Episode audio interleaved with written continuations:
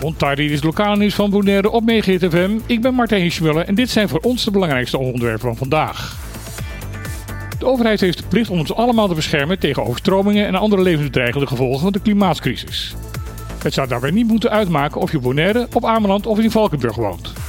Dat zegt Andy Palmen, directeur van Greenpeace Nederland. Omdat Greenpeace van mening is dat dit niet het geval is, heeft de milieuorganisatie de Nederlandse regering een zogenaamde sommatiebrief gestuurd. Hierin wordt in 21 kantjes verteld wat er volgens Greenpeace moet gebeuren om een klimaatramp hier op het eiland te voorkomen. De brief is gestuurd namens Greenpeace en zeven bewoners van Bonaire. Een daarvan, Onir Emerentiana, zegt dat de bewoners al veel te lang door Nederland als een tweede rangs burgers worden behandeld. Dit mag volgens hem in de klimaatproblematiek niet nogmaals gebeuren. De Nederlandse regering krijgt zes weken de tijd om op de brief te reageren. Wanneer dat niet binnen de stelde tijd gebeurt, wordt ervan uitgegaan dat de Nederlandse staat de eisen niet serieus wil nemen en zullen de eisers de kwestie aan de rechter gaan voorleggen. Dat ondertussen het kabinet wel van mening is dat er iets aan de klimaatproblemen gedaan wordt, is op te maken aan de aanbiedingsbrief die klimaatminister Jette aan de Tweede Kamer heeft gestuurd. Hiermee biedt het rapport aan dat kwartiermaker Ed Nijpels afgelopen maandag aan de minister heeft overhandigd. Jette gaat in zijn brief aan de Tweede Kamer ook in op de opmerking van Nijpels dat het lastig is met een lege maag te moeten nadenken over klimaatproblemen. Ook de minister stelt dat het klimaatsbeleid op Bonaire niet los te zien is van de sociaal-economische uitdagingen die Caribisch Nederlands volgens hem heeft.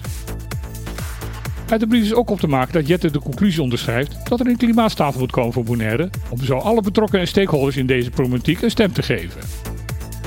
Ook stipt de minister aan dat het rapport duidelijk maakt dat er voor de drie Westeilanden geen one-size-fits-all oplossing te bedenken is. Elk eiland zal zijn eigen op maat gemaakte aanpak moeten krijgen.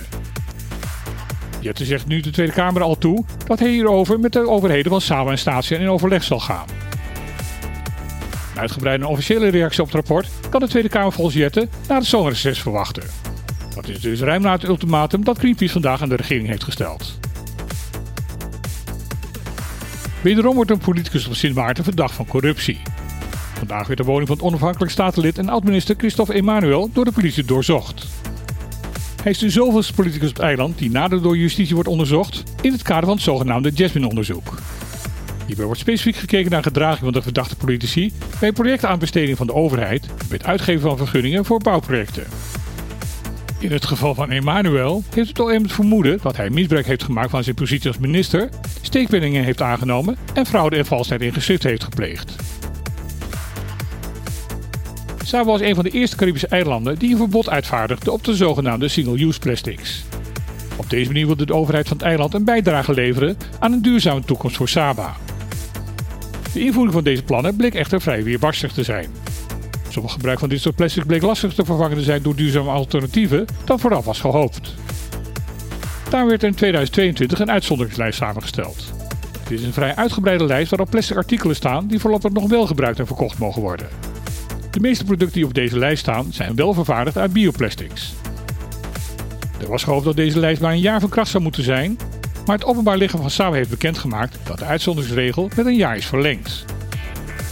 Wel dringt de overheid erop aan dat burgers en bedrijfsleven blijven zoeken naar geschikte alternatieven. Want, zo zegt de overheid, Saba wil graag het goede voorbeeld blijven in de regio wat betreft het komen tot een duurzame samenleving.